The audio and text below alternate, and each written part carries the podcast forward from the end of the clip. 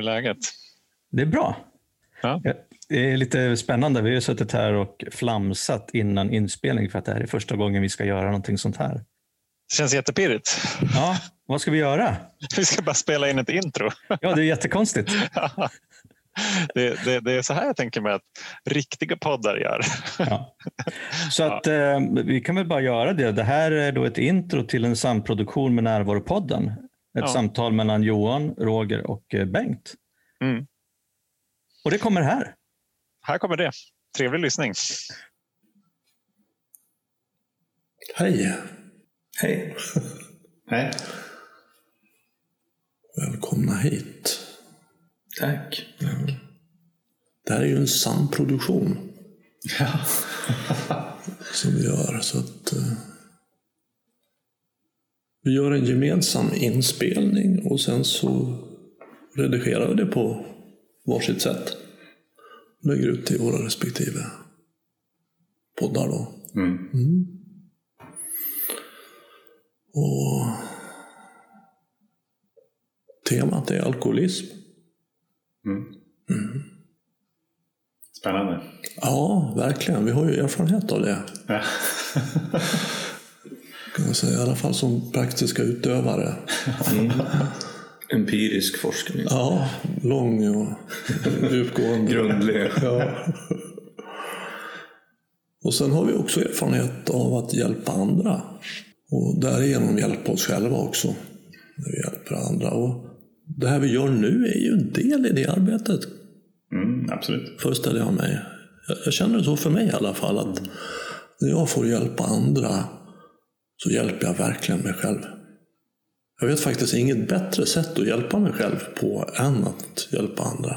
Men jag gillar den mekanismen.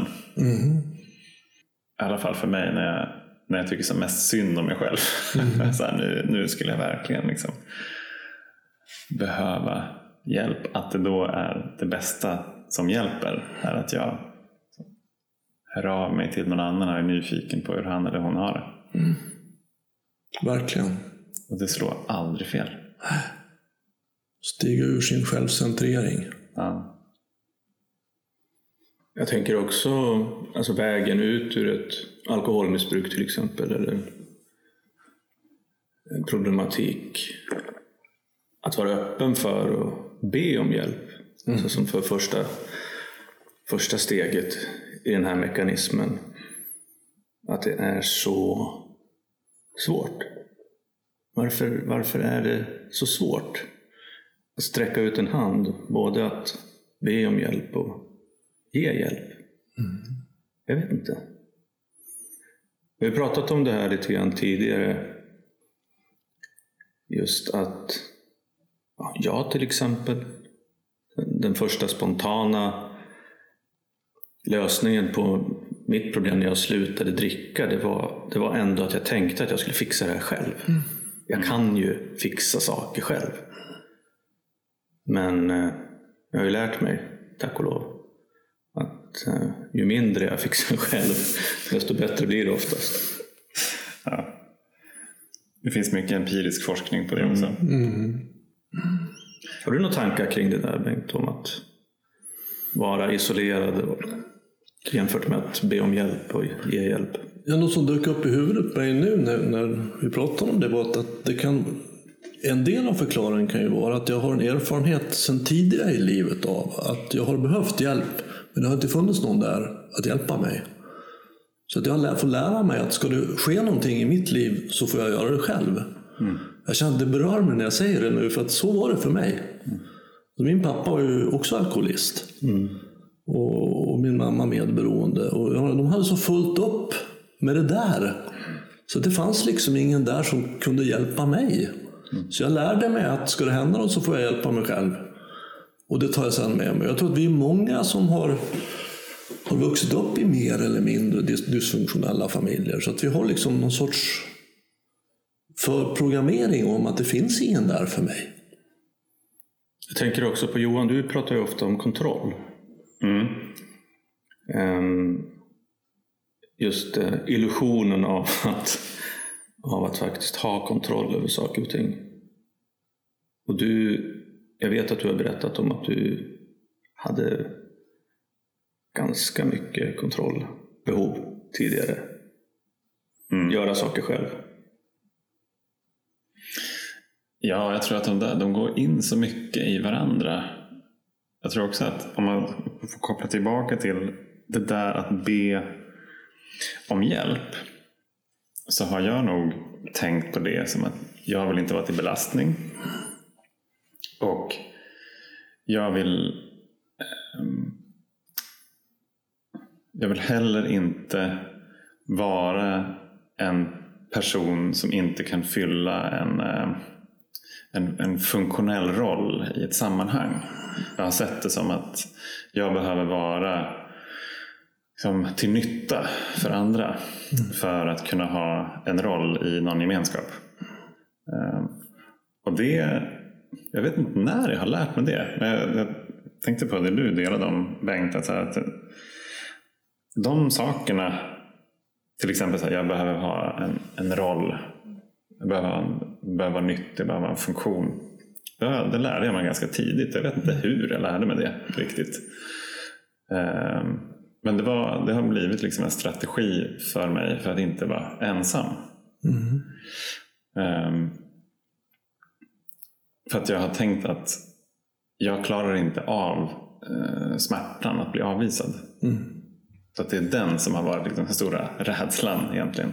Och så har jag haft de här strategierna för att inte behöva möta den där rädslan som jag har vetat om, inom citattecken, då, att, att jag kommer dö av, tror jag. Så då har jag velat vara nyttig. Och där kommer nog kontrollen in. Att så länge jag har kontroll på situationen, då kan jag välja vilken roll jag har. Men om jag inte har kontroll, då vet jag inte vad som händer. Och eh, då är risken att jag inte får vara med, helt enkelt. Och det låter som om man ska sammanfatta det i två ord. Att den här kontrollen vill, ha- handlar om att jag vill vara över medel och normal. Ja, precis. Jag vill inte vara konstig och, och, och dålig. Och, och det är ju ett av egos främsta strävan, att vara över medel och normal. Och upplevelsen, jag tror också det är en skäl till att det är svårt att söka hjälp, att vi inte gör det. Att, att upplevelsen inifrån mitt ego är ju dels att jag är världens centrum. För vart jag än åker så är jag i centrum. Jag kan åka till Indien, andra sidan jorden. Jag är i centrum där också. Jag ser mig runt och jag är i centrum. Den andra upplevelsen inifrån egot, det är att jag ser världen som den är. Och de andra idioterna fattar inte. Så hur ska någon kunna hjälpa mig? För de vet ju inte. Jag vet bäst. Det tror jag också är en, en delförklaring i... Ja, den, är, den är väldigt stark. Ja, men alltså, jag, jag tycker att det där är jättespännande för att jag kan fortfarande idag efter många års nykterhet, jag kan, jag, jag kan se på folk och jag kan jag försöker föreställa mig andra människors liv, men jag kan inte. Jag bara, hur kan man, hur gör man, eller hur kan man välja att leva ett liv som inte är mitt liv? Med mina värderingar och min, min, min kultur och mina liksom, åsikter och mina erfarenheter. Och referensramar. Och jag tycker att det är, det är inte så att jag ser ner på folk. Jag bara, det blir helt vitt. Jag kan inte, jag förstår inte. Det är lättare nu, men, men tidigare var det väldigt mycket instängd så i mitt eget, mina egna referensramar. Jo, det brukar man ju prata om alkoholism som en egosjukdom. Alltså jag identifierar mig med ett ego. Och därför blir ju en viktig del av tillfrisknandet blir ju att se att jag är inte världens centrum. Jag är en liten, liten pjutt. En liten kugge i någonting som är väldigt mycket större än mig.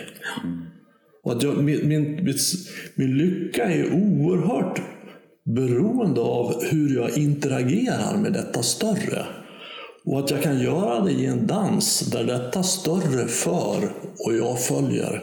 För min tidigare strategi var att jag ska föra och verkligheten ska följa mig. Och den andra delen som handlar om att, att jag ser världen som den är. Tillfrisknandet ger ju mig att, att jag ser, inser att jag ser inte världen som den är. Jag ser världen som jag är. absolut. Vi har alla olika verklighet. Så att, att när någon säger någonting annorlunda istället för att du har fel och är idiot, så att ah, intressant, berätta mer. Alltså det blir en ödmjukhet. är En väldigt viktig del av tillfrisknandet. Att vara mjuk inför ödet, ödet för jag följer. Det är väldigt talande det där med så här, ödet före jag följer.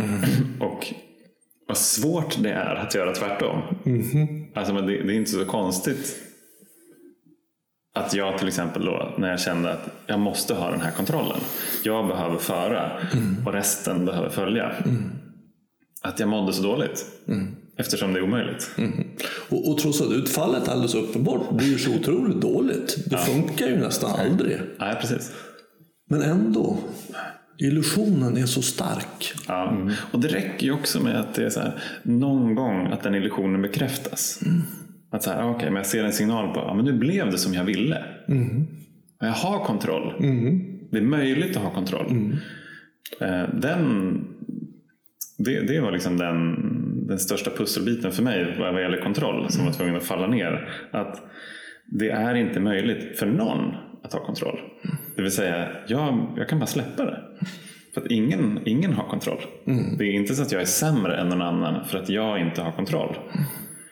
Men det trodde jag, det, det, var, så, det var så jag kände i, i slutet av, av det aktiva. Också lite i början av nykterheten faktiskt. Ja, men hur är det egentligen med det här? Hur mycket kontroll kan jag ha? Och så där, och vilken, vart går gränsen? Ungefär, testa mig fram. Men, men det var väldigt skönt att komma fram till den insikten, även fast jag kan- glömma bort den ibland. Att ingen har möjlighet att ha kontroll. Nej. Och vi ska komma ihåg att bakom kontrollbehov finns alltid rädsla. Alltid rädsla. För är jag trygg, då kan jag komma på din middag som du har bjudit mig till och säga ja, vad kul jag kommer. Är jag rädd, vilka är det som kommer annars? Vem ska jag sitta bredvid? Eh, Vad kommer du att servera för mat? Eh, vad, kommer att hända? Så att, och det är så skönt att, att kunna, som man då säger, lämna över. Jag lämnar över till ödet, till verkligheten. Så får det bli som du vill. Men för att det ska vara möjligt måste jag känna mig trygg. Den där rädslan där, vad tror du att den består av? Rädslan för Rädslan för, ja, men, så här, på, på andra sidan av myntet av kontroll, en rädsla. ja, i, I grunden för alla så ligger ju rädslan för att dö. Alltså, vi, det, rädsla är ju någonting som vi har, har av evolutionen blivit givna för att överleva. Att vi ska klara oss. Och vi som sociala varelser, för oss som flockdjur är det ju otroligt viktigt att få vara med. Att passa in. Och det får vi om vi är över medel och normala. Just. Det, det, men annars är risken då att vi, vi blir utstötta. Och de som då har varit rädda genom tiderna för att, att komma bort, att inte få vara med, att vara konstiga, de har ju överlevt. Så vi är ju barn till de rädda. Och de som har sagt att ja, för 10 000 år sedan när vi gick på savannen i flockar om en hundra personer, för hundra personer tillsammans ger sig ju inte en, ens en flock lejon på. Så där är vi trygga. Men de som har sagt att hörni, jag sticker bort och kollar på sjön där, jag kommer tillbaka ikväll. Nej, de såg du aldrig till igen. Utan de som är rädda, de som vill vara kvar, vara med. Det är evolutionärt gynnat. Och det innebär att vi, vi idag har ju en rädsla som inte alls står i proportion till faran. Vi är mycket, mycket mer rädda än vad det finns anledning till. Och när vi genomskådar det, att jag behöver inte vara så rädd, så behöver jag heller inte ha så mycket kontroll. Så jag kan gå ut i livet som en nyfiken nybörjare och säga Okej, vad händer här? Vem är du? Vad ser ni? Vad händer? Men det där är intressant tycker jag, att man tänker på den här tidiga rädslan då, som man säger ändå var en fysisk rädsla. Alltså rädd för att dö eller bli skadad eller vad det nu kan vara. Den, har, den måste ju då liksom ha, när det var lugnt, vad flyttar den till först? Liksom? Känslomässig rädsla eller social rädsla? Eller, eller Jag tänker på sådana grejer som ensamhet och eh, eh, ja, dålig eh, självbild och, och sådana saker. någonstans måste ju det ha skett. Jag vet inte om de här människorna på savannen gick runt och tyckte att de borde ha ett snyggare höftskynke. Eller jämförde sig känslomässigt och mentalt och moraliskt med andra människor. Det måste ju ha hänt någon gång. Liksom. Ja, alltså, på savannen gick vi för, för i storleksordningen 10 000 år sedan och då hade vi kunnat börja tänka. Mm. Och, och, och, det är det som är så väldigt svårt att hantera, den här, om man ska kalla det gåvan, att kunna tänka. Mm. För att alla djur kan ju bli rädda.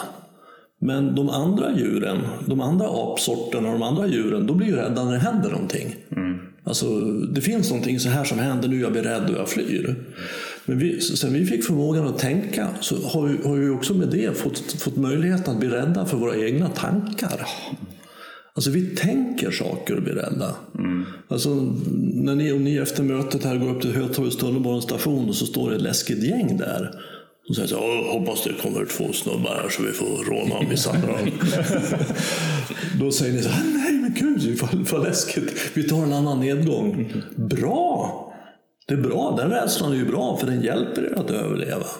Men för oss människor så räcker det att tänka att det står ett läskigt gäng. Så jag vågar inte gå dit. Mm. Det står inget läskigt gäng där. Och det är vad vi ägnar oss så otroligt mycket. Vi tänker saker som väcker obehagliga känslor i oss. Som vi inte står ut med. Som vi hittar ett sätt att döva. Och det gjorde vi med alkohol. Mm. Varför har det blivit så tror du?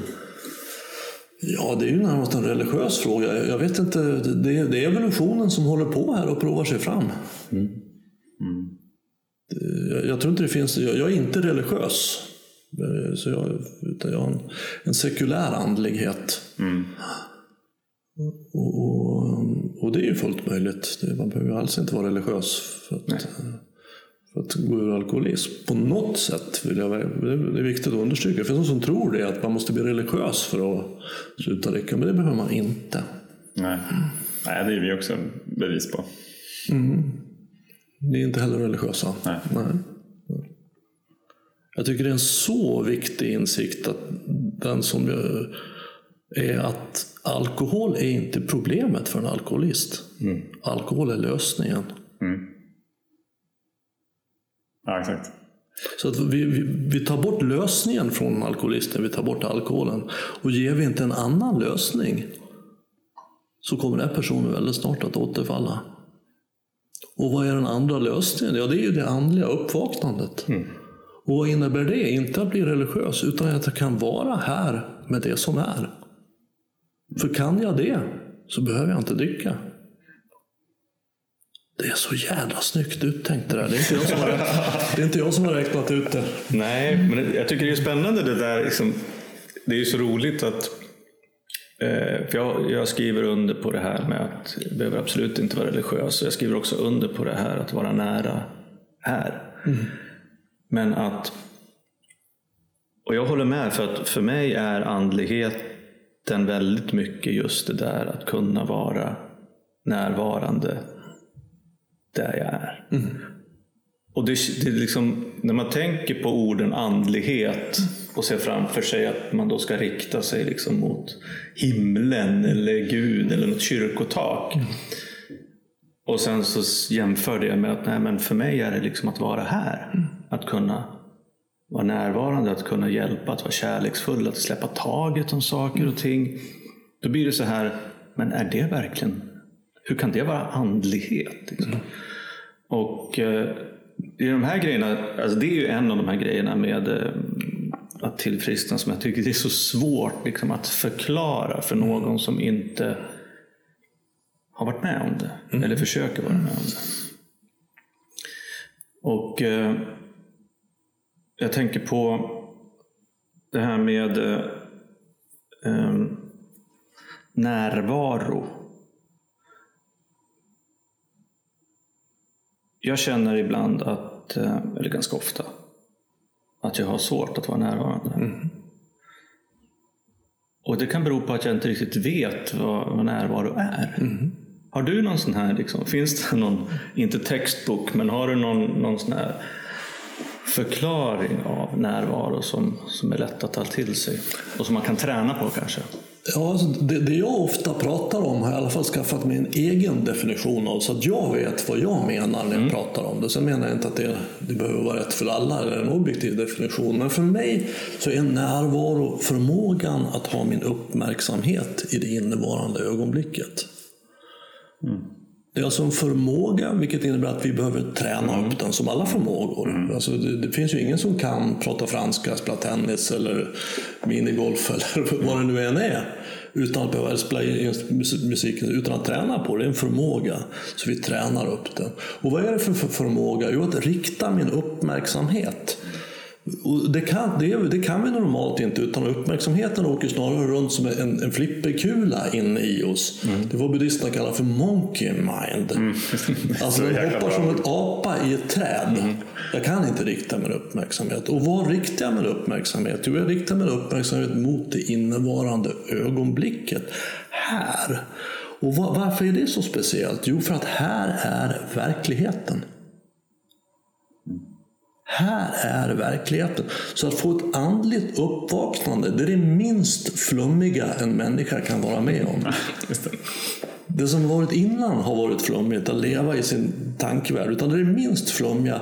Vad som sker är att jag kommer hit till verkligheten. Var är den? Här, nu. Och jag kan uppfatta vad som sker här nu. I mig och utanför mig. Och interagera med det på ett konstruktivt sätt. Och faktum är att det var vad alkoholen momentant gjorde för mig när jag drack.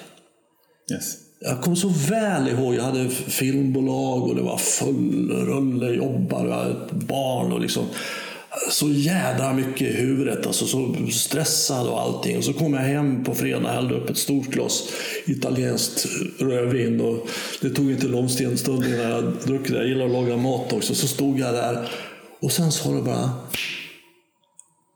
så stod jag och hackade lök och det var tyst i huvudet. Jag bara kunde se den där löken och bara wow! Här är jag helt närvarande och det är tyst i huvudet. Och jag hackar lök. Det här, wow! Och så här upp ett till glas. Vad mer? jag vill ha mer av det här. Så här ska Ja, det men jag, tänk, jag tänker också att alkohol, för, mig, för mig var alkoholen också ett sätt liksom att maxa Ja, eh, ögonblicket. För att om jag, om jag hade alkohol i mig, då kunde ju ögonblicket bli mycket större. Så jag kan vara närvarande, jag kan känna igen den här, eh, det här lugnet. För mig var det ju, vi bodde ute på landet och framförallt på vår och sommar och höst, man kunde sätta sig ner efter jobbet en fredag på liksom, trappen i liksom lite så solnedgång och bara dricka en öl eller ett glas vin och bara känna att ta in hela landskapet och känna mig ett med liksom, på något jävla quasi-närvarande sätt. Men att det blev så maxat liksom. Löven blev grönare, himlen blev blåare, jag blev skönare, liksom, och allting det där. Och det är också ett sätt, tänker jag, det här med närvaro. Att eh, hantera förväntningar på närvaro. Eller förväntningarna på ögonblicket. Och det där har vi pratat om ganska mycket. Just det där att ehm, att jag kan förstöra verkligheten genom att gå in i ögonblick med massa konstiga förväntningar.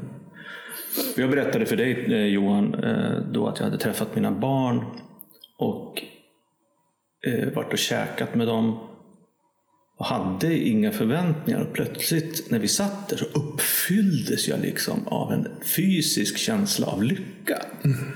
Som jag inte hade förväntat mig. Och det var så här... Ehm,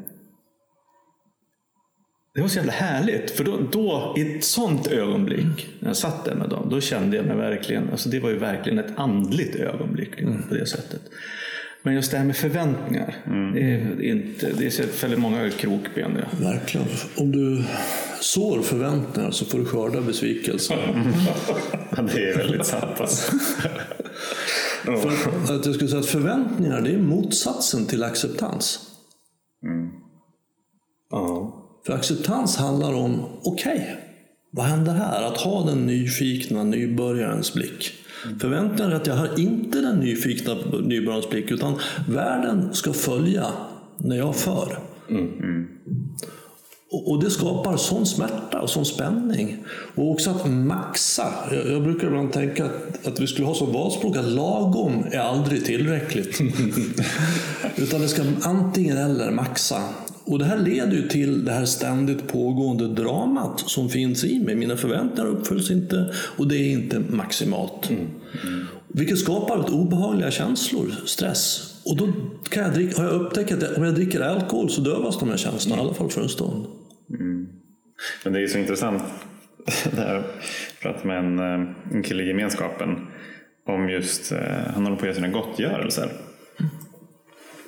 Eh, Som då är i steg, steg nio för oss. Och så pratade vi lite om ja, men hur det gick och sådär. Han sa att ja, men det, var, det var inga fyrverkerier. Nej, okej.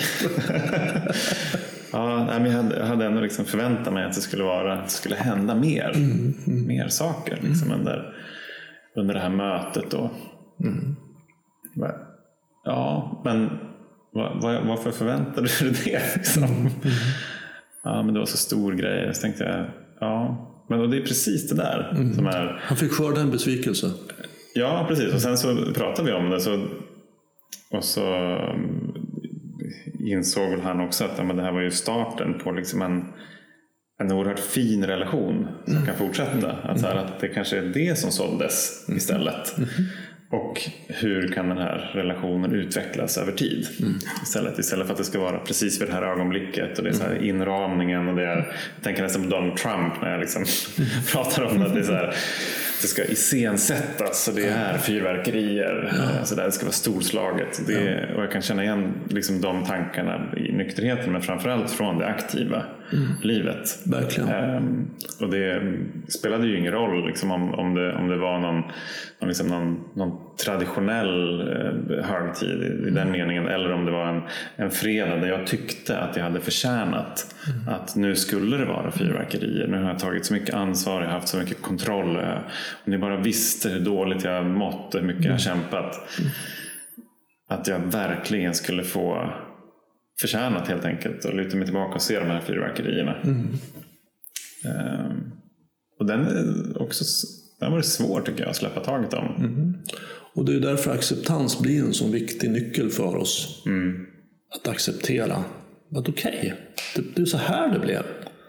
Och upptäcka istället vad är det som blev, vad är det som är, istället för vad som borde vara. Eller vad som inte får vara. jag spelade in flera poddar såklart men avsnittet precis innan Elma skulle födas. Så kommer jag ihåg att jag var så himla rädd. Din- min, min dotter föddes för 15 månader sedan ungefär. Jag var så himla rädd att jag inte skulle känna rätt saker. Eller att jag inte skulle känna tillräckligt mycket av rätt saker. Och just att, att hela tiden gå runt med den här måttstocken som ju då är som, som alla andra vet om också. Så att de kan ju döma mig utifrån hur jag känner.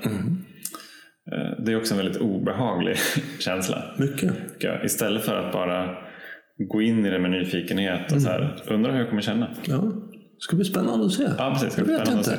Ja. För det är ju sanningen om framtiden. Jag vet inte hur det kommer att bli. Nej. Så att, att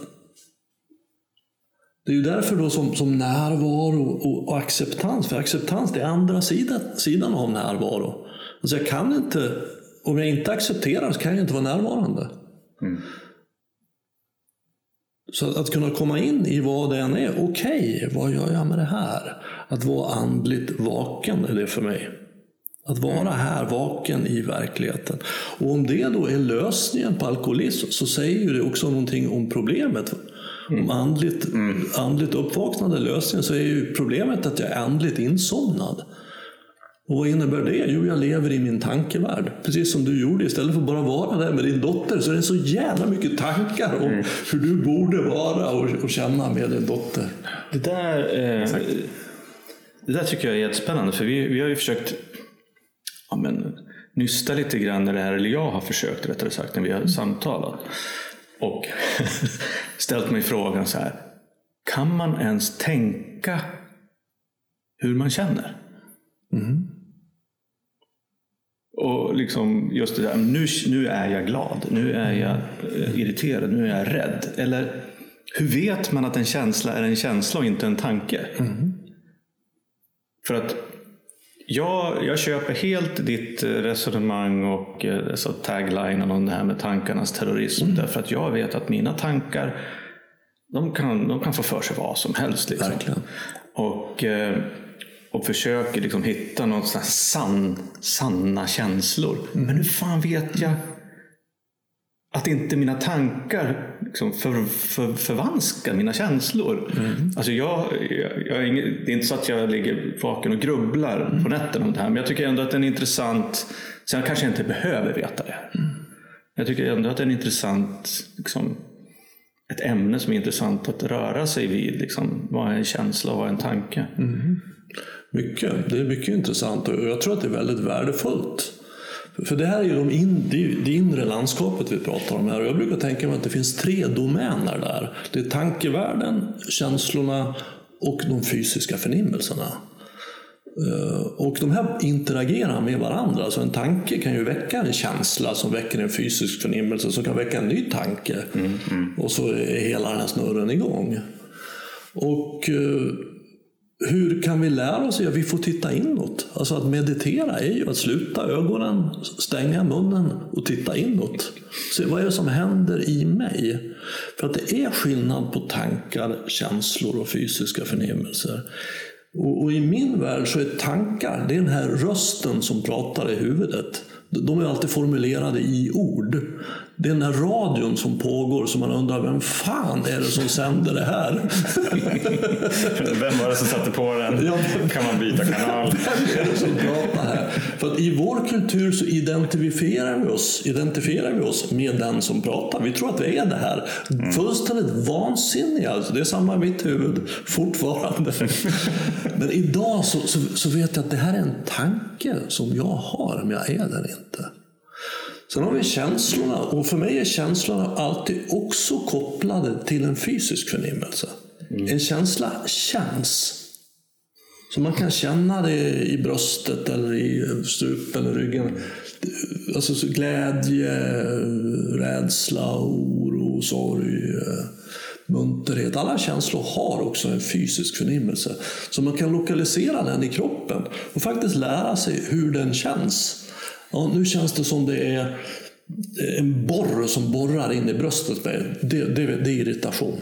Nu är jag irriterad. Ja, för det finns en fysisk förnimmelse. här. Sen har vi de rena fysiska förnimmelser som det kliar på knät eller ja, ont i hälsenan eller vad det nu kan vara. Men, men det är inte så lätt att veta vad som var. Men det är väldigt, väldigt vanligt att vi rationaliserar och är mentalt orienterade så vi är uppe i huvudet hela tiden. Jag vet det, det är inte ovanligt att jag frågar klienter hur, hur känns det just nu? Och då säger jag, ja, jag ska tänka efter, säger hon. Nej, gör inte det. För då kommer du få veta vad du tänker, utan vad, vad känner du? Och veta det. Och där är vi många väldigt vilsna. För vad har vi gjort under vår aktiva tid? Istället för att känna det jag känner så flydde jag ifrån det. Mm. Så jag vet, det är väl van, jag vet inte vad jag känner. Är det här kul eller tråkigt? Eller, så vilsen. Och det blir ju också det blir på något vis en ond spiral i det där, tänker jag också. För att om jag har hittat alkoholen som liksom en, en lösning, en, en väg att hantera mina känslor, så tränar jag ju inte heller på att hantera dem på ett annat sätt. Exakt. Så att efter ett tag så har det gått flera månader, år, på att jag inte har hanterat känslorna utan alkohol. Och då att helt plötsligt börja, det känns ju jätteläskigt. Då är jag ju ännu mer övertygad om att jag måste ha alkoholen för att hantera mitt liv. Jag tänker, att, jag tänker så här att, jag håller med om det där, men att, att det, är, det är kanske simplare än så. Att jag som, eller min hjärna, mina tankar, alltså om jag vänjer mig vid att alkohol är en enkel och bra lösning. Då är det inte så att jag anstränger mig för att hoppa över den första enkla bästa lösningen som jag ändå känner till för att hitta en annan lösning. Utan då blir jag ju lat, bekväm och tänker det här funkar ju. Och sen den här utförsbacken, när den börjar gå nerför så hänger liksom mitt huvud inte med i att fatta att det faktiskt går nerför. Mm. Utan tänker att jag är på ungefär samma punkt som jag var för ett år sedan, eller fem år sedan eller tio år sedan. Mm. Beroende på hur hastigt den här sluttar neråt och tycker att ja, allt är väl som vanligt. Mm. Fast uppenbarligen tittar man liksom på resultaten, och både fysiskt och känslomässigt och kanske konsekvenser och så, här, så, så, är det inte som vanligt utan det har blivit ganska stora förändringar. Men jag har inte, jag har inte förmågan, att, kapaciteten att märka det. Liksom. Just på grund av förnekelsen mm. som du var inne på. Jag tänker så här att jag var nog på väg ner ganska snabbt i början men sen så träffade jag min exfru och skaffade familj och då blev kurvan liksom ganska jävligt flack länge. Sen så var det precis som att bara gå ut från en stupkant de sista två åren kanske innan jag slutade dricka. Mm. Då gick det väldigt, väldigt fort. Mm. En sån här uppdämt eh, jag vet inte, behov av att göra kaos. ja. Um, så att jag tycker det är spännande att prata om det här, just det här med, med tankar och känslor och beteende. För att jag inbillar mig utifrån den eh, väldigt, kanske inte jättestora kunskap jag har om tankar, känslor och beteende ändå att vi beter oss kanske heller inte alltid som vi tänker. Mm. Utan beteendet är kanske kopplat mer till, mer till eh, ja, men, bekvämlighet, vanor, eh, minnen och sådana grejer så gör saker utan att tänka på dem. Och det måste ju också skapa någon typ av dissonans mm. i det här systemet som du pratar om. Fysisk förnimmelse, tankar och känslor som gör att ja, men man, mår, man mår sämre. Liksom, mm. för, att, för att man kan inte, det som vi har varit inne på, man sätter upp regler. Vi mm. tänker rationellt på att de här reglerna ska vi följa. Mm. Men då gör vi inte det. Du är inne på att vi söker en, en enkel lösning. Vi vill, ha, vi vill ägna så lite, lite tankekraft egentligen åt det som möjligt. Mm. Då har vi hittat en enkel. En, en fin, bra metafor tycker jag är att om man tänker sig en person som har skoskav. Alltså har blåsa, blåsor på hälarna. Mm. Och det gör ju ont. Alltså det är väldigt obehagligt. Men den här personen hittar då att om jag tar en Alvedon var fjärde timme så funkar det faktiskt. Så att den här personen har skoskav, blåsor och tar en Alvedon var fjärde timme. Och det, alltså det är ju blåsor där och det är lite jobbigt att komma ihåg att ta den Alvedonen men den har hittat en sorts balans där. Mm. Så kommer jag till den här personen och föreslår att du, det här med Alvedon är inte så bra, den är så bra skoskav heller. Jag tycker du ska sluta äta Alvedon. Men vad, sluta äta Alvedon, är du inte klok? Jag har ju skoskav. Alltså, det, det kommer ju bli gör jätteont. Mm. Men, men det är inte förrän den här personen slutat äta Alvedon och får känna hur ont de här skoskaven gör som den inser att jag behöver byta skor. Mm. Och Det tycker jag är en bra bild. För att jag, vad, jag, vad jag behöver byta, det jag tidigare var, det var att jag levde andligt insomnad i min egen tankevärld med mig själv som centrum. Mm. Och Det var endast möjligt att upprätthålla så länge jag drack alkohol. Mm. När jag tar bort alkoholen från det så får jag ju känna smärtan av det ännu starkare. Vilket gör att jag tvingas att hitta en annan lösning. Och vad är det? Andligt uppvaknande. Alltså att kunna lära mig att vara i världen som den är, som jag är. Hur, hur gick det till för dig? Där, om man tar slutet av den här kurvan, den här flacka kurvan och sen till nykterhet? Jag tror att all, alla vi som har slutat, alltså som har, vi, det, det, gick ju ganska långt för oss. För, för det är många som ligger liksom och seglar någonstans.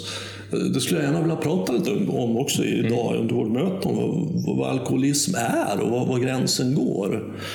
Det tycker jag är ett intressant tema. Men eh, att kurvan mot slutet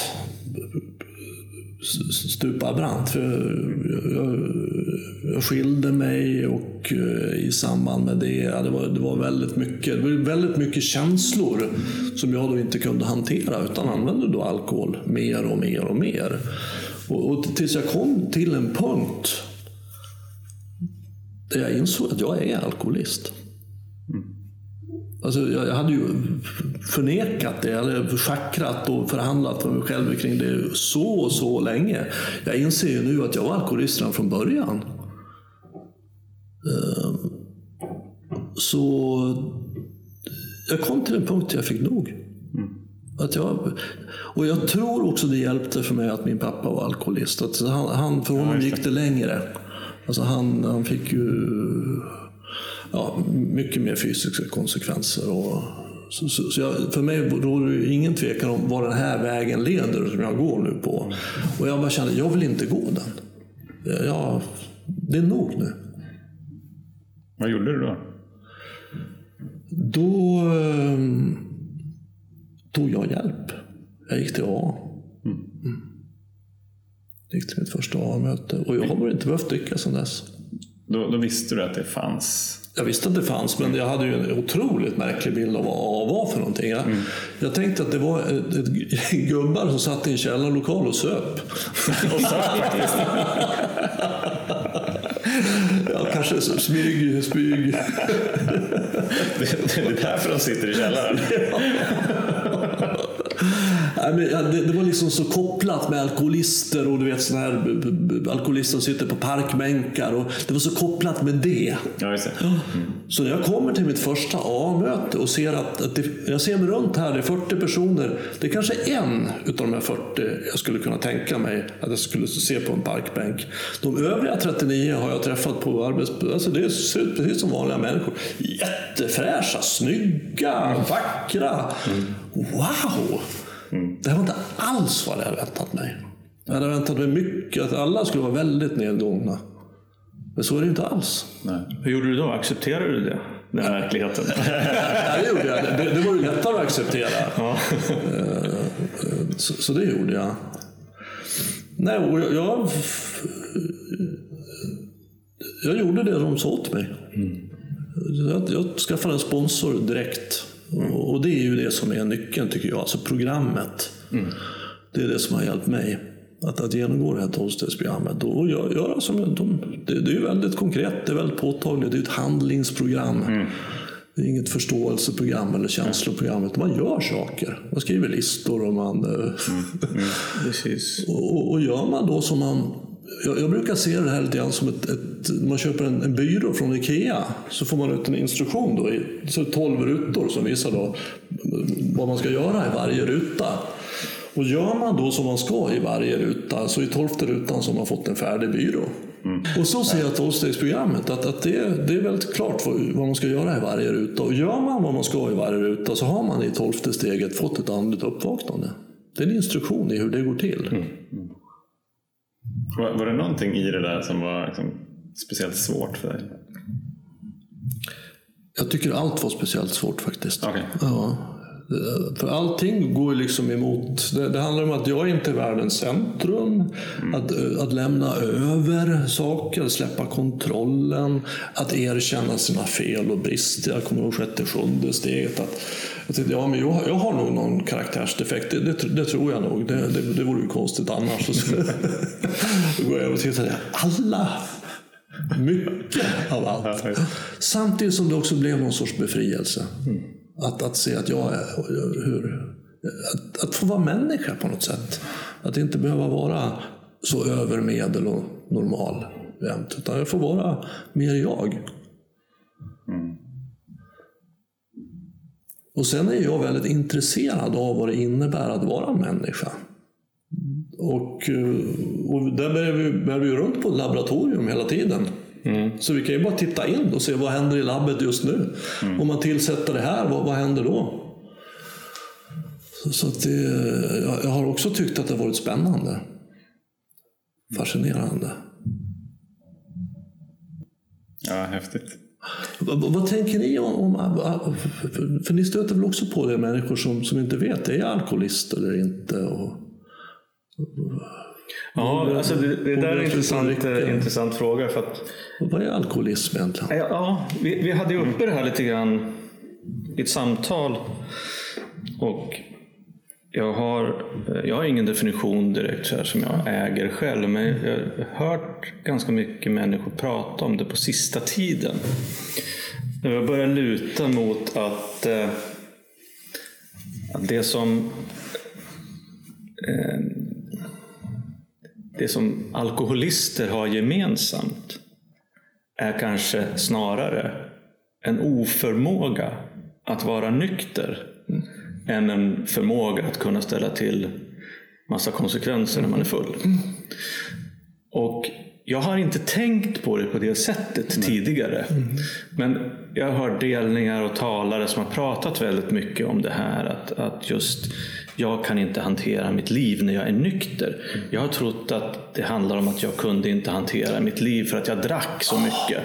Mm. Och och det där har slagit ner liksom som en liten bomb i mitt, eh, alltså, i mitt system. Just, just det där att vad fan, titta, på, titta på dig själv eller titta på människor runt omkring dig och, och fundera på hur du eller de hanterar liksom, spritfrihet. Mm. Eller nykterhet, att vara nykter utan ett andligt uppvaknande. Mm. Alltså det är ju tortyr. Mm. Verkligen. Så att där någonstans börjar jag liksom luta mig mot att om man, om man ska liksom göra någon typ av självdiagnos, vilket är svårt om man är alkoholist med förnekelsen och allt, men fundera inte så jävla mycket på hur många enheter du dricker per vecka. Mm. Fundera istället på hur lätt eller svårt tycker du, är, tycker du att det är att inte dricka? Mm. Absolut. Och, och, det är ju den viktiga insikten om att alkohol är inte problemet för en alkoholist, det är lösningen. Det är en sån bra insikt. Men annars så... Ja, jag vet inte. Jag, jag tycker att det är svårt. Jag kan, jag kan ganska ofta känna lite harm över, över ja, men människor som uttrycker sig i ja, men något typ av råd eller tips eller hjälp om hur man kan minska sitt drickande eller nu liksom, drick mindre efter semestern eller mm. så här dricker du normalt och det här är liksom ett riskbruk och högriskbruk och lågriskbruk och allt vad det där. Jag vet inte. Alltså det, det hjälper inte alkoholister, mm. tycker jag. så att, så att det är inte det vi pratar inte om människor som, som, eller ja, det kan vi göra, men alkoholister är inte människor som är skitfulla fyra veckor på sommaren för att de dricker alldeles för mycket rosé och sen återgår till någon typ av normaltillstånd där man inte har något, något behov eller, eller problem med att dricka eller inte dricka. Alkoholister är ju människor som vi, precis som du säger, som behöver alkohol för, för att lösa någonting. Liksom. Mm. Ja, för många så fokuserade på liksom hur mycket man dricker, alltså mängden. Och det, det, har ni säkert varit med om också, att man berättar att jag har slutat dricka. Jaha, ja, men jag dricker inte för mycket i alla fall. Nej. det blir, det blir så ja. väcker upp För jag, jag tänker så här att, att allting som går att bruka går att missbruka.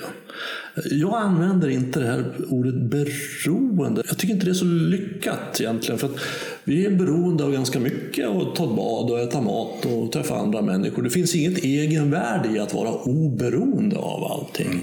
Så det ordet använder inte jag, utan jag använder ordet missbruk. Det tycker jag är ett mycket mer adekvat ord. Och allt som går att bruka går att missbruka. Det är inte bara alkohol. Det kan jag skriva under på. Så då finns det då en gräns där bruket har gått över i ett missbruk. Och var går den gränsen? Mm. Och, och, jag menar att, att den gränsen avgörs av konsekvenserna. Vad får mitt bruk av någonting för konsekvenser? För så länge jag brukar någonting så får det inga negativa konsekvenser möter jag äter en pralin varje fredag eller dricker ett glas vin varje fredag. Eller. Eh, det får inga negativa konsekvenser. Men om det jag gör får negativa konsekvenser fysiskt, psykiskt, socialt eller ekonomiskt, en av dem eller flera i kombination, och jag trots det inte slutar, då har mitt bruk gått över i ett missbruk. Mm. Så att om mitt sätt att dricka alkohol på får negativa konsekvenser, fysiskt, psykiskt, socialt, ekonomiskt, och jag trots det inte slutar, då är jag en missbrukare. Och, och det som jag tycker är viktigt är då liksom att understryka, understryka, det är ju att eh, om vi pratar om mitt missbruk av alkohol, så, så var det ju så att jag, var inte, jag drack ju inte 24 timmar om dygnet. Nej. Men jag tänkte ju på alkohol. Så att det, det gav mig ju konsekvenser även när jag var spritfri. Sociala till exempel. Jag hittade på ursäkter för att få smyga ut i garaget eller åka till macken eller vad det nu var. Gå in på toaletten på jobbet. Menar, ekonomiska och all, allt med känslomässiga framför allt. Så det var inte bara det inte bara konsekvenser av ett direkt alkoholintag som jag tycker är viktigt att liksom man pratar om det här. Utan det är ju hela, hela mitt liv. Absolut. När, när du pratar om bruk och missbruk så inser jag så här, okej, men om jag skulle sätta in bekräftelse där till exempel. Hur skulle det se ut? Här, jag, tror att vi alla behöver bekräftelse. Absolut. Det är jätteviktigt i våra relationer och sådär. Att man blir, blir sedda och förstådda och, och så. Men, men jag inser att mitt bekräftelsebruk gick över till ett missbruk at some point. Mm. Och hur såg du det? Ja, men jag såg det dels eh, att jag gjorde så mycket jag bara kunde för att maxa bekräftelse. Ehm, i- om, om vi liksom återkopplar till kontroll så, så tänkte jag ju mycket på om jag gör så här så kommer han eller hon känna så och då kommer jag att få bekräftelse. Så det var ju någon form av alltså ganska ofta intrikat process som jag hade eh, tänkt ut. Vad, vad som skulle hända, hur den här personen skulle känna. Det kan vara kollegor på jobbet, eller det kan vara kunder, eller det kan vara i mina relationer hemma. Så, här, så om jag gör det här så kommer du känna på ett sätt som gör att du gillar mig. Eh, och då får jag bekräftelse av dig. Så att, och det där, det där har nog legat till grund för mycket av mitt agerande de, de senare åren. För att jag, det gjorde också att jag jobbade väldigt mycket. För att jag ville maxa bekräftelsen på jobbet till exempel. Eh, ville nå eh, nästa befordran mycket snabbare än, än alla andra och jag ville vara duktig. Och, så här. och det i sin tur, det drack jag väldigt mycket på. Så här, men nu har jag kämpat så himla hårt för det här och jag har tagit så mycket ansvar och oj, oj, oj vad jag gör mycket bra. Jag tycker inte att jag får tillräckligt mycket bekräftelse apropå förväntningar då på, på, på belöningen. Ehm, så att då har jag fått, då har jag förtjänat att få dricka, få, få de här fyrverkerierna på något annat sätt. Ehm, så att där, Och en annan konsekvens kan ju vara att jag vill vara populär, få bekräftelse, jag ger bort pengar, saker. precis. och då är det en ekonomisk konsekvens. Det kan ju vara att din partner tycker att gud vad du håller på och jobbar mycket, du är aldrig hemma. mm, ja, Så det får en social konsekvens. Det var, det var ju det som var... Vi, pratade om det senast förra veckan, jag och Josefina. Vi är nu gifta. Så hon, hon har ju stått ut med en, en aktiv alkoholist ganska många år. Här. Eh, Men har fått leva med en nykter alkoholist i snart fem år. fall, Så det är positivt. Men på slutet där så, så jag byggde liksom berättelsen av mitt missbruk som jag förnekade att det var jobbets fel. Så här, ja, nej, men jag måste, nej, måste jag jobba igen och ja, men det är så oerhört jobbigt. Så att, så att hon, tack vare den berättelsen som jag berättade, trodde ju att jag bara var som arbetsnarkoman. Eh, och att det är klart att ja, men om du jobbar så mycket, jag, jag fattar att du vill gå ut och ha det kul med, med polarna. men ja, det, det har jag fått se väldigt mycket på i de här stegen. Just vad, vad konsekvenserna har blivit av det jag inte har gjort. Jag har tänkt att jag var en schysst kille. Jag slogs inte, jag var aldrig otrogen. Och så här, jag var alltid snäll tyckte jag eftersom jag hjälpte alla andra så mycket. Men det var ju så mycket som jag inte gjorde. Absolut. Och det är ju konsekvenser. Absolut. så jag såg det inte som konsekvenser då. Nej. Men man behöver, ofta är man sämst på att se det själv. Man får lyssna och har man en partner så är den oftast mycket bättre på att se det. Ja.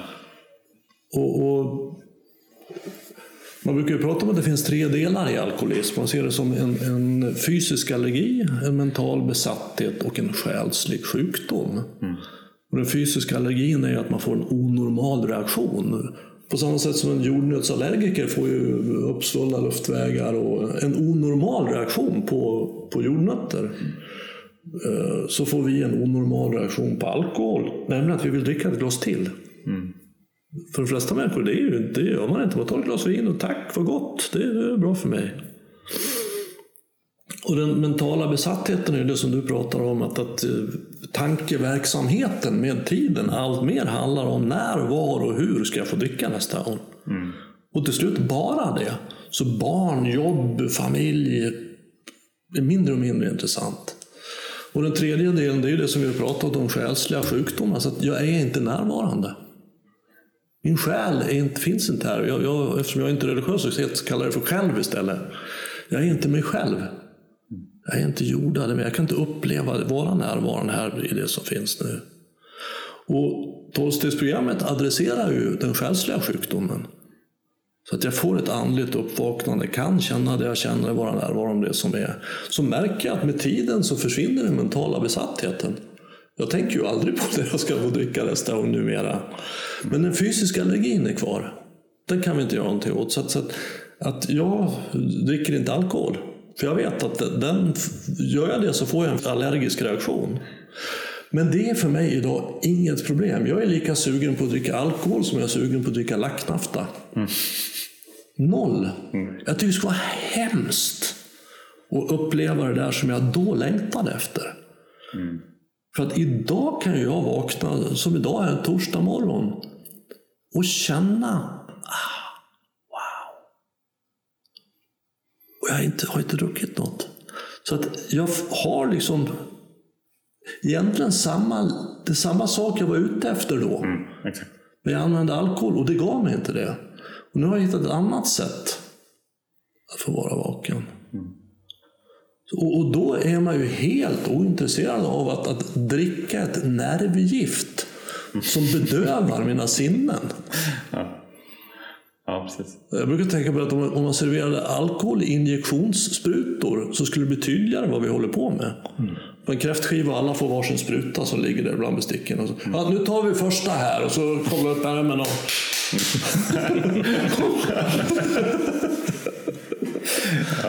Men då får man ju inte den goda smaken. Nej, det är så. Precis.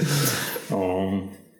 Nej, precis. Det, jag tror att vi pratade om det också i något avsnitt. Att, så här, att jag hade nog också alltid liksom en jakt på sinnesro. Fast jag visste inte att det var sinnesro som jag var ute efter. Men, men det är bara att det är diametralt olika vägar att ta sig Verkligen. dit.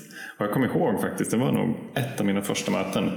Så var det, så var det en, en i rummet som, eh, som förklarade liksom hans syn på hur det var att vara känslomässigt och mentalt och liksom själsligt nykter.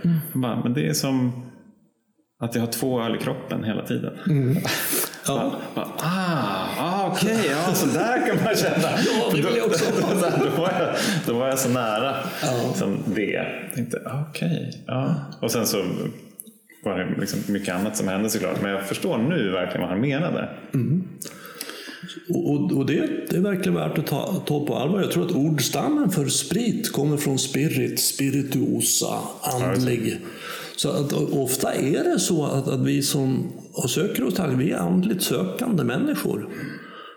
Så, så att när vi blir nyktra, när vi tar bort alkoholen, så hittar vi någonting gemensamt väldigt, väldigt fort i vårt andliga sökande. Vi är intresserade av den typen av frågor. Det är viktigt för oss. Men eh, en grej som jag, vi har varit inne på lite grann tidigare också i det här samtalet tror jag. Det, det är just det här, om vi pratar om acceptans till exempel. Om att eh, Jag slutar dricka och jag behöver någonting annat än alkohol. Jag vill ha någonting annat. Eller, eller kanske om jag, inte, om jag inte får någonting annat så kommer jag liksom att börja dricka igen. Alltså det finns ett hål. Och eh, Jag vet inte hur det var för er, men jag jag var villig, men jag var inte helt, liksom, jag accepterade inte allting i början. Eh, till exempel så tyckte jag att jag i början jag, jag försökte liksom förstå varför det här programmet, den här lösningen skulle fungera för mig. Jag försökte hitta liksom ekvationen, du brukar prata om ekvationer, liksom det här. Tills bara, jag tror att det var ett samtal med min första sponsor, liksom, att jag fick den här fysiska, andliga upplevelsen av att jag behöver inte förstå. Mm. Utan jag kan bara acceptera att det funkar. Mm. Och, och det är ju någonting, tycker jag, som det landade i mig då och det, har, det finns kvar fortfarande. Mm. Även om jag tycker idag att det är jätter, jätteroligt att utforska det. Mm. Men utifrån, jag har en helt annan ingång idag. Jag försöker hitta, precis som du är intresserad av hur, hur det är att vara människa, så kan jag, kan jag vara intresserad av hur, hur, vad är det i det här som har fått mig att trigga på olika saker. Liksom. Och det kan vara processer eller ord eller, eller tankar och, och erfarenheter. Men, men just det där att landa i att också en insikt att det funkar också för att jag vill att det ska funka. Mm. Eller för att jag accepterar att det funkar. Mm. Och att, att se den här icke-acceptansen eller skepticismen eller oförståndet, vad man kallar det för, mm. åt människor som inte har accepterat det här programmet. Mm. Det var någonting som jag hade väldigt svårt för i början. Att, eller när, när jag väl accepterade. Att jag ville att alla skulle acceptera det också. Mm. Mm. Men och det är också en del av min, min eh, acceptansresa. Också det här att jag behöver inte få andra människor att acceptera samma saker som jag har accepterat. Jag kan faktiskt ställa mig bredvid mm. ibland. Jag tänker på att, att eh, jag behöver inte ens, alltså vi pratar om att, att ödet, liksom, eller alltså man, livet förs och jag följer. Alltså ibland behöver jag inte ens följa. Mm. Jag kan bara ställa mig bredvid. Mm. Och det, det har också varit en, en, en nyttig insikt för mig mm. att det första är ju lite faktiskt en besvikelse över att livet, andra människor faktiskt kan fortsätta med det de håller på med. Mm. Även om jag ställer mig bredvid. bredvid. Mm. Alltså, det, är ju svårt, det var svårt att acceptera. Mm. Men sen nästa känsla är ju liksom att fan vad skönt. Mm. Och det har jag alltså de senaste åren, mycket sen vi började med det här, liksom pratat om och lärt mig att att jag behöver, jag behöver inte vara med på allting. Nej. Jag behöver inte veta vad som händer där. Jag behöver inte tycka att de ska göra på det eller det sättet. Jag kan bara ställa mig bredvid mm. och vara i mig själv och se till liksom mina nära och kära och mitt sammanhang och det, mitt ögonblick. Mm. Och det är ju väldigt svårt. Fortfarande är det svårt att inte, svårt att inte lägga energi på andra människor. Mm. Men eh, det är skönt när jag lyckas i alla fall. Ja. Och jag tror inte vi värdesätter riktigt den bevittnande platsen du, du pratar om efter förtjänst normalt. För det är, det är själva nyckeln. Mm. Att kunna gå till den som kan bevittna både mitt eget ego och andras egon. Mm. Jag är inte ident, jag har mina tankar, känslor och fysiska främmelser, men jag är dem inte. Så just nu blev jag jätteirriterad här tydligen. På honom. Mm. Jag behöver inte agera på det. Mm. Jag är kvar här i det här vittnet och det är mitt själv.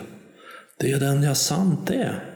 Det är det där som kan stå lite utanför min personlighet och säga Gud vad jag håller på. Mm. När vi säger att jag är inte klok, jag har sagt det, Gud vilka konstiga galna tankar jag har.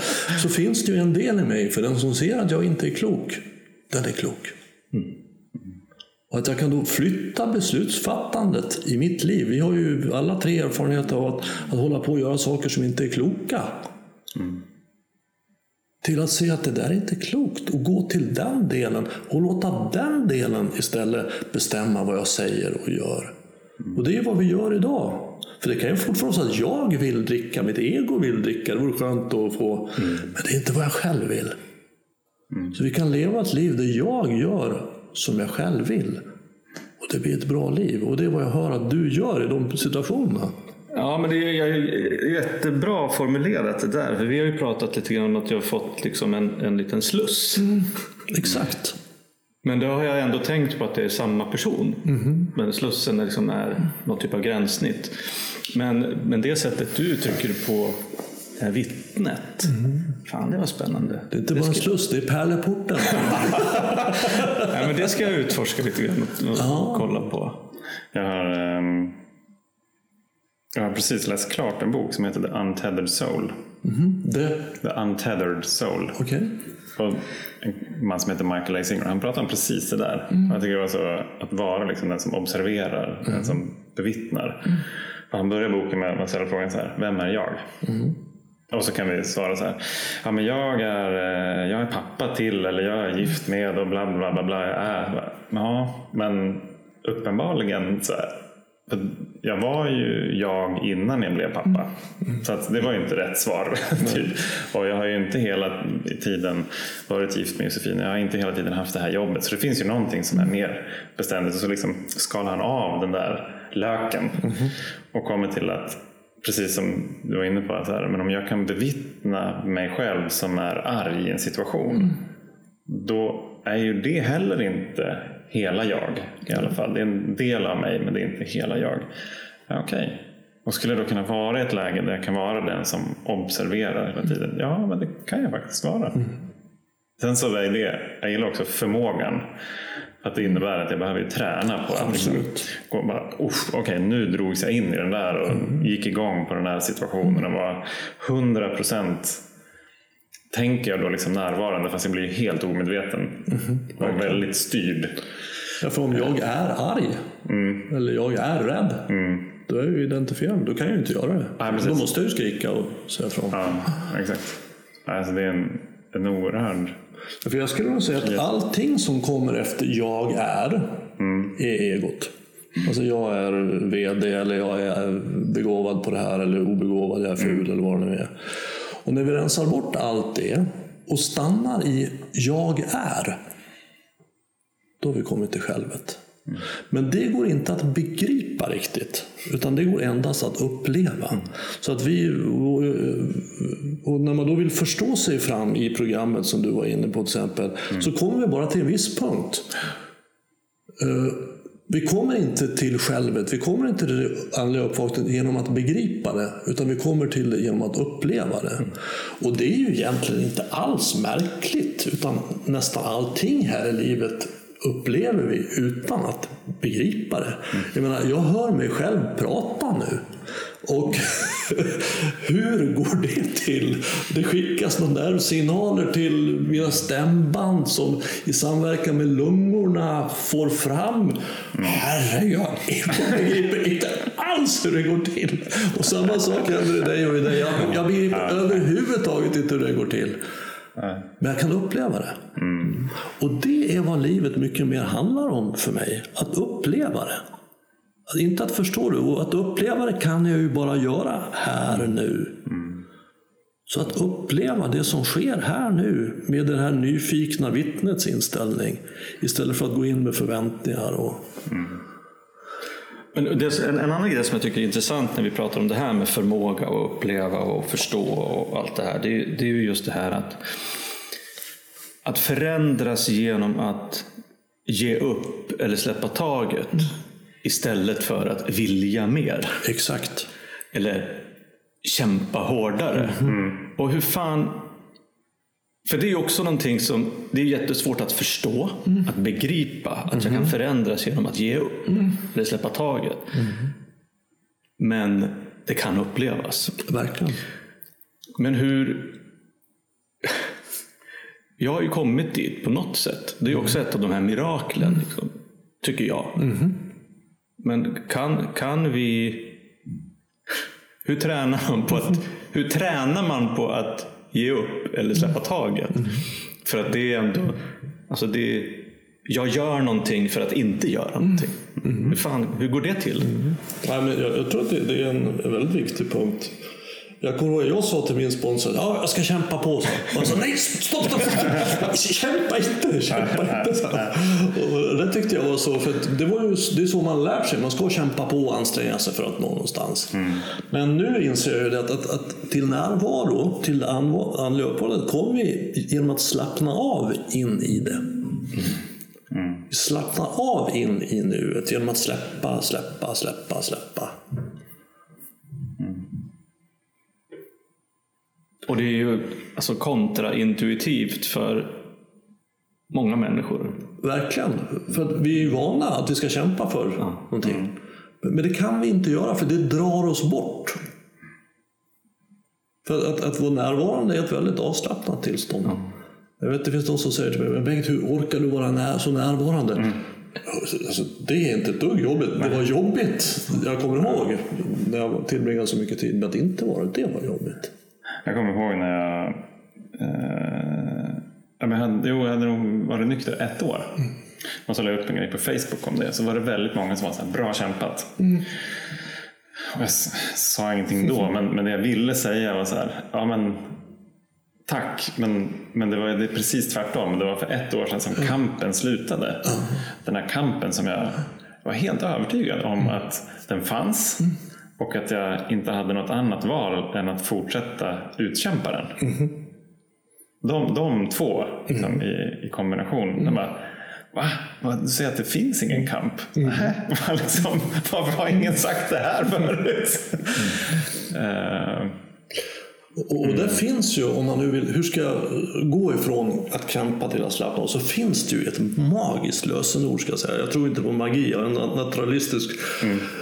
Världsåskådning, men ändå som är otroligt kraftfullt ska jag säga istället för magigt. Otroligt kraftfullt lösenord som jag kan säga och det är okej. Okay. Okej. Okay. okay. För att all kamp bygger på inte okej. Okay. Mm. Jag är emot det. Det borde vara annorlunda. Jag borde vara annorlunda. Jag borde känna annorlunda. Du borde göra det. Han borde ha sån här mössa på sig istället för sån. Istället, okej. Okay. Okej. Okay. Okej, okay. nu är jag jätteförbannad för att jag inte kan vara närvarande. Okej. Okej. Okej. Okej. Hur har jag sagt okej okay tillräckligt många gånger så... Ah. Så det är en väldigt god hjälp det här ska jag testa. Ja. det var jättebra. Jag satt på ett möte här om veckan och, och blev mer och mer irriterad för varje delning som kom för att jag tyckte att de inte var okej. Okay. Ja, verkligen. men så, så tänkte jag, jag sa inte just okej, okay, men just det där att att eh, ja, men typ släpp taget eller något sånt. Upprepa för mig själv liksom, att det, det, det får vara så här. Det får vara så här liksom. mm. Och då efter ett tag så blir det ju okej. Okay. Mm. Ja, som Shakespeare säger, nothing is good or bad, only thinking makes it so. Mm. För jag kommer ihåg min sponsor sa så att jag går på möten huvudsakligen numera för att träna min acceptans. För det sitter ju i en, en del av en som sitter och retar upp sig. Ja, Inte okej. Okay. Han pratar för långt, hon för mycket, hon för lite, hon säger aldrig någonting. Han... Så säger alltså kortfattat inte okej. Okay. Ja, Inte okej, okay, inte okej, okay, inte okej. Mm. Så att istället, okej. Så jag slappnar av in i nuet. Mm. En, en sak som jag hade så extremt svårt att acceptera mm. från början av nykterheten, det var att jag aldrig skulle bli klar. Ja. Att jag inte skulle komma till ett, till ett läge där jag antar att det liksom i det undermedvetna att jag hade eh, blivit klar med det här med, med alkoholismen och då hade jag förtjänat att dricka säkert för att fira precis, att, jag var, att jag var klar. eh, men för, för, att det är um, det är liksom så jag har blivit tränad. Mm, det är så, så, normen ser ut. att vi, vi kämpar med någonting, vi får ett certifikat kanske, eller ett diplom, eller mm. vi får en befordran, eller vi får en löneökning, eller vi får barn kanske. Alltså det, det, det händer någonting mm. som är så här, bra, då är vi, vi klara Check med det. det. Då, då finns det, det, det är beständigt och det, det, det kommer inte försvinna. Uh, och jag, jag, blev, jag var väldigt arg över det. Jag tyckte det var så orättvist mm. att det var på det sättet. Eh, men, eh, men på sista tiden, senaste tre åren kanske, var det så här, fan vad härligt. Mm. Jag blir aldrig klar. Mm. Det här är en väg att gå, Ja. inte ett mål att nå. Nej, Det är ett sätt att leva på. ja men verkligen. Ja. Men jag inser att hur, hur hårt inbankat det var i mig. Verkligen. Att det, var, det är målet som är målet, så att säga. Inte vägen. Och vad, vad omedveten jag har gjort mig själv på det jag upplever. Mm. Eller jag har inte upplevt så mycket. För att jag har hela tiden tänkt att ja, det är inte så bra nu, men det blir bra sen. Precis. När jag får det här. Och Då ska livet händer. börja bara jag har blivit Ja, nykter, exakt. bara gjort tolfte steget, eller bara jag har gjort nästa steg. Bara, bara sen kommer, sen ska befria mig. Mm. Men sen kommer ju aldrig. Nej. Alltså när vi vaknade i morse så visste vi att vi skulle träffas här idag. Mm. Och då var det framtiden för oss. Och nu sitter vi här. Men vi sitter ju inte där och tänker att nu har framtiden äntligen kommit. Äntligen är det här. Vi sitter här nu. Det är det enda vi någonsin kommer att uppleva. Vi kommer aldrig att vara med om framtiden. Något annat än detta innevarande ögonblick. Alltså det är faktiskt en t-shirt skulle du tycka. Nu är framtiden äntligen här. Jag har ett citat i min, min senaste bok som säger så att Enjoy this moment, because this moment is your life. Det är väldigt bra. Enjoy this moment, because this moment is your life. Det är inget mer. Nej. Och när man kan omfatta det helt och fullt, då, då öppnar det sig. Men fan vilka möjligheter! Ja. verkligen! Alltså, f- Och se det som händer här ja, nu. Fattar ni? Ja, verkligen. Ja, ni fattar ju. Men, men eh, ja. Precis. Och det finns något annat citat som är livet är det som pågår men man gör planer för morgondagen. Ja, precis. John Lennon har Ja. så, sagt något sånt. Det Och det, är ju så jävla sant alltså. Livet är det som pågår medan man väntar på att det ska börja. Ja. Jag, jag tycker det finns en sak till som jag känner att jag skulle ja, få prata lite grann om. Och det är det här med... För vi pratar ju om alkoholism, det är det vi har fokus på och har väl huvudsakligen erfarenhet av. Men, men vi är också många som har erfarit att när vi slutar med alkohol så är det väldigt lätt att vi börjar med något annat. Att det dyker in något nytt. Och, och det finns ju ett uttryck som säger att summan av lasterna är konstant. Jag brukar se det som att det finns ett missbrukarträd med många grenar. Det finns massa olika grenar på det här trädet. Så att allt som går att bruka går att missbruka. Eh, Äta hushållsapparater finns det de som gör. kan vi inte sluta med. Så att jag tänker mig att det är som ett träd med många grenar där alkohol är en. Och så sågar vi av den grenen för vi inser att det går inte att, att fortsätta. Det, det, jag pallar inte längre, det, det funkar inte. Jag sågar av. Då är det väldigt lätt att det växer ut en ny. Att man börjar med internetdating istället. Eller som en kille berättade på ett av mina första möten jag var på. Han har precis nyligen slutat dricka. Det var lunchmöte. Och han berättade att han på förmiddagen hade druckit sex familjeflaskor med julmust. Det är nio liter julmust. Alltså det är ju, jag vet inte hur många kilo socker det är. Ja, det är mycket. Ja. Så han slutade med alkohol och gick över till julmust eller socker. Då. Så slutar man med det och då blir det cigaretter eller så blir det porrsurfning eller vad det nu är. Så vi kan inte åtgärda det här på, på gre, uppe på gren, i grenverket. Utan vi behöver gå till roten. Ja. Och vad är roten då? Och jag menar då att roten är att jag förmår inte känna det jag känner. Jag ska känna något annat. Jag kan inte vara kvar i det som är. Så att när jag känner mig orolig eller stressad, ja, då, ska, jag- då kan jag ta en drink så blir det lite bättre. Och när jag känner mig glad så ska jag känna någon annan glädje. Jag kan inte känna den här glädjen. Men är det, är det varken eller så, så ja, det var lite, guld. vi kan sätta lite guldkant på dagen här ett tag. Så jag är hela tiden på flykt ifrån mitt eget känsloliv. Jag köper det du säger. Jag tror att för mig så ligger ju så ligger faran eller, eller risken med det där i att ändå liksom byta verklighet. Ett annat sätt att uttrycka att du kan ljuga för dig själv. Ja. Men att jag, jag sitter till exempel och mediterar i sängen på morgonen som jag brukar göra och åker till jobbet eller stannar hemma och gör någonting. Men då är det ju så här att det, det första som jag då förhoppningsvis då, efter min meditation har bestämt mig för att jag göra, göra då blir ju det liksom ögonblicket. Som jag kanske då har svårt att stanna kvar i. Så frågan är ju hur, hur, hur, hur kan jag liksom kontrollera, eller inte kontrollera, men hur kan jag skapa hur kan jag säkerställa att jag, att jag faktiskt befinner mig i rätt ögonblick? Och det är ju träning. Ja. Du ökar din förmåga. För, för det, det finns ju en röst där inne som inte vill vara närvarande. Den tycker det här innevarande ögonblicket är ju jävla trist.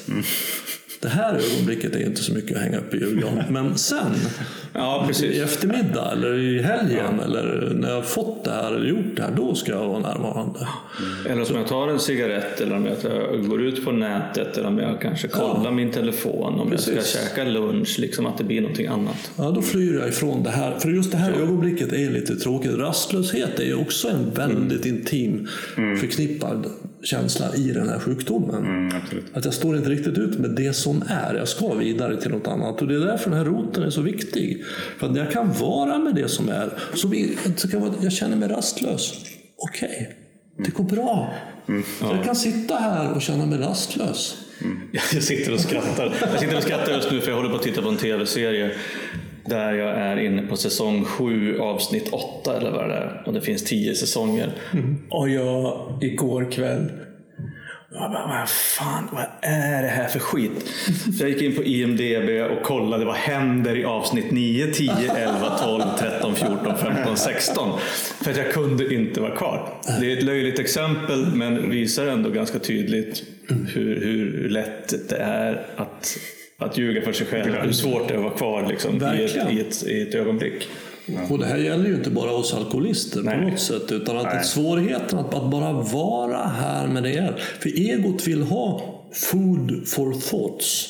Det vill ha mat hela tiden. Mer, jag vill ha mer mat. Det här är inte tillräckligt, jag är inte mätt.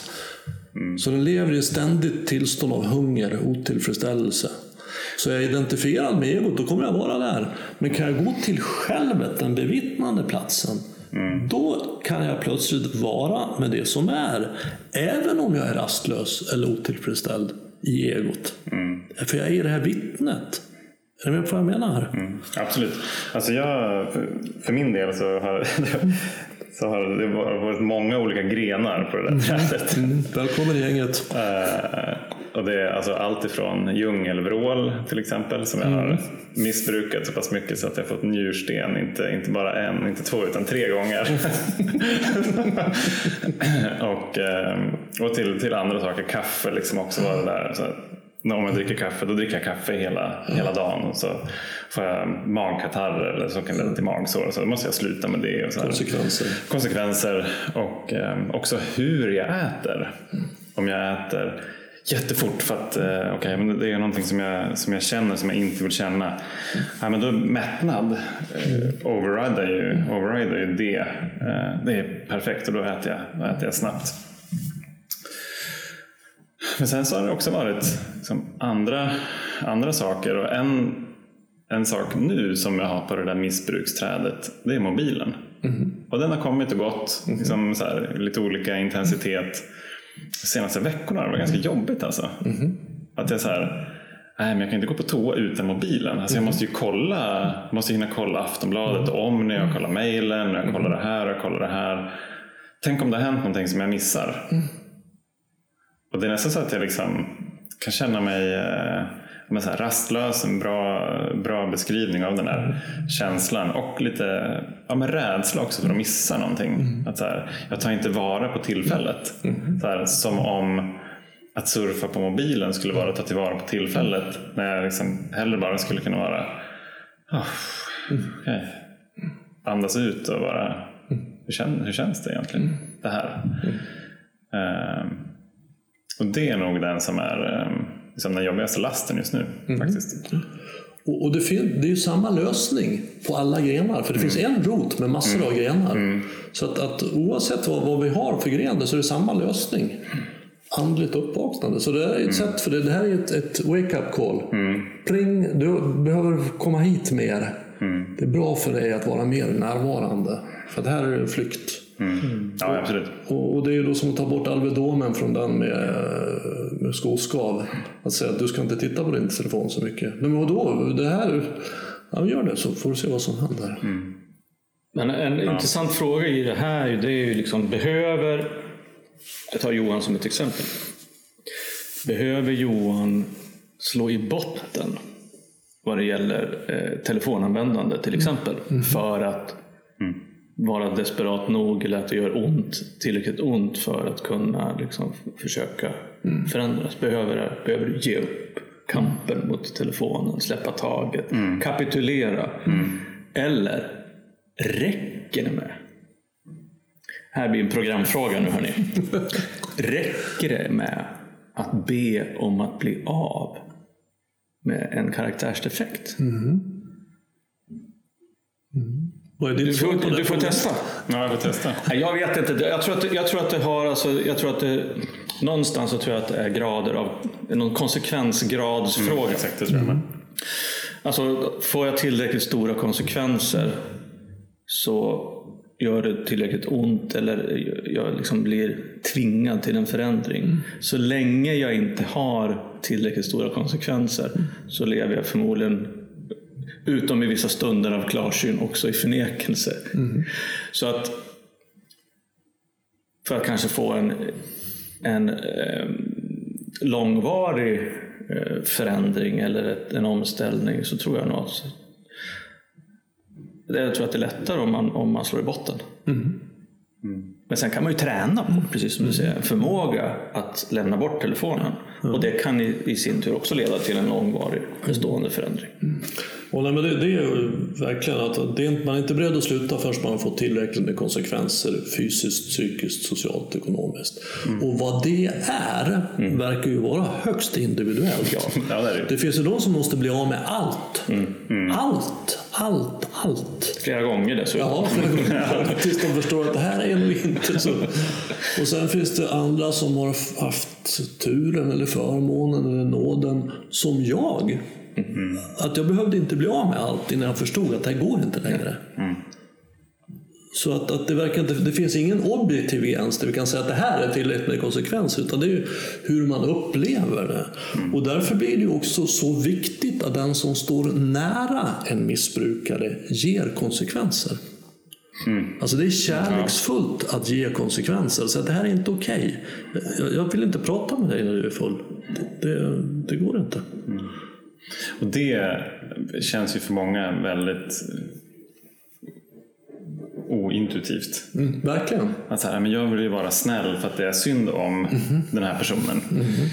Ehm, men det jag pratade för någon vecka sedan med en av våra lyssnare som ringde och ville, ha, ville bolla lite liksom, kring hur hon skulle hantera en anhörig som, som är aktiv. Och eh, då pratade vi just om konsekvenser. Att så här, för, en, för en aktiv alkoholist, om jag inte får några konsekvenser, det är ju det perfekta kvittot på att bra, då kan jag fortsätta. Absolut. Det är perfekt. Ja, men eh, han eller hon borde förstå att mm, Fast det är liksom, när jag är inne i det där, då är det den alkoholistiska logiken som är rådande. Verkligen. Och den logiken ser helt annorlunda ut än den logik du har just nu. Så att ni kommer inte mötas i någon av dem, utan det är liksom nästan i konsekvensen som man möts.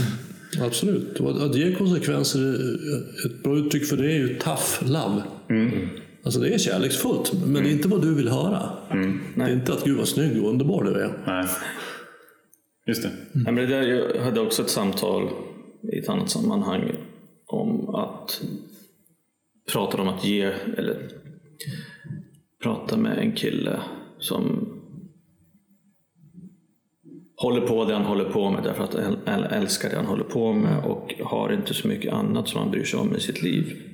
Så att den jag pratade med sa så här, "Ja, men kan ju inte, kan ju inte ta bort det ifrån honom. Det är ju typ det enda han bryr sig om. Perfekt, sa jag. Perfekt! Säg så här då.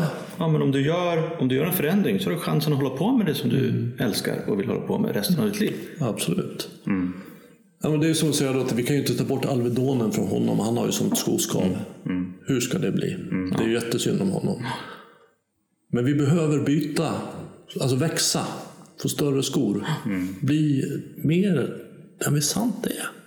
För det är vad jag upplever att, att, att vara den här nykterheten, det programmet, det andliga uppvaknandet, den här vägen leder mig mot den jag sant är. Så att jag kan göra som jag själv vill. Jag, jag tror en av dem, nu när vi pratar om det, att en av de här stora hindren som vi sätter för andra och ibland för oss själva, det är att tycka synd om. Ehm, för att det gör att vi ofta tillåts att fortsätta med det som är skadligt. Ja, verkligen.